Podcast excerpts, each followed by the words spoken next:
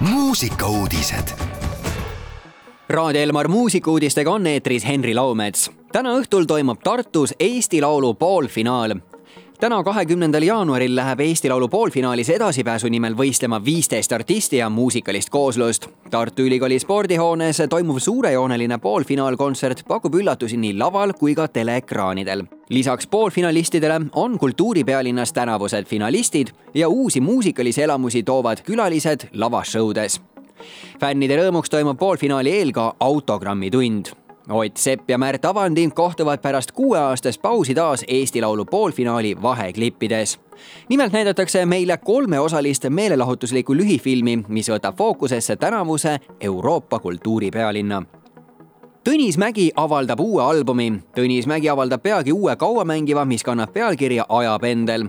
pärast muusiku seitsmekümne viiendale sünnipäevale pühendatud väljamüüdud kontserti Alexela kontserdimajas mullu novembris on laulja ja helilooja otsustanud uut albumit esitleda Tartus, kus ka plaat loodud sai albumi kannab Tõnis Mägi ette esitluskontserdil, mis toimub kahekümne kaheksandal veebruaril Tartus Eesti Rahva Muuseumis lisaks enneolematule loomingule kõlavad kontserdil ka parimad laulud albumilt Aovalgus ja lõpetuseks kuulame üht ahjusooja laulu ka. ansambel Regatt on välja tulnud uue looga Vaid üks laik.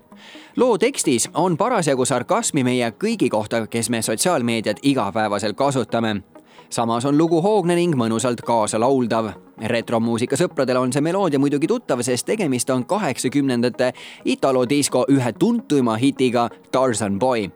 Regatile on eestikeelsed sõnad teinud bändi solist Marek Jürgenson head Raadio Elmar kuulajad, kaheksakümnendate sädelevale retrolainele viib meid nüüd ja praegu ansambel Regatt oma tuliuue looga Vaid üks laik. mõnusat kuulamist muusikauudised igal laupäeval ja pühapäeval kell kaksteist, viisteist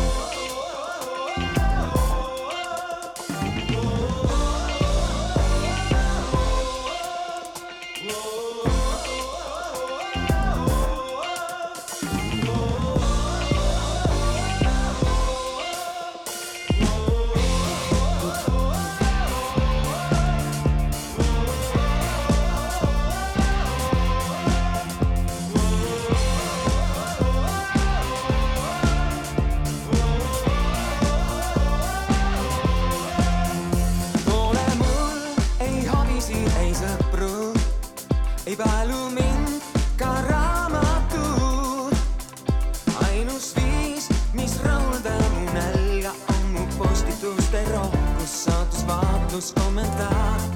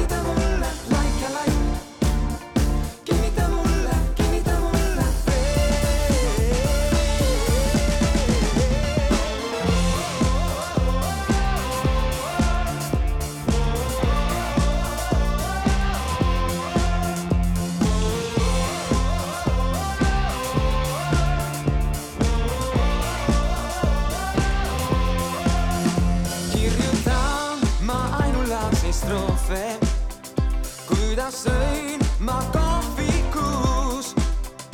juurde pilt, mis näitab otse välja, et mu taldrikul on toit ja kõrval leiba leival võit.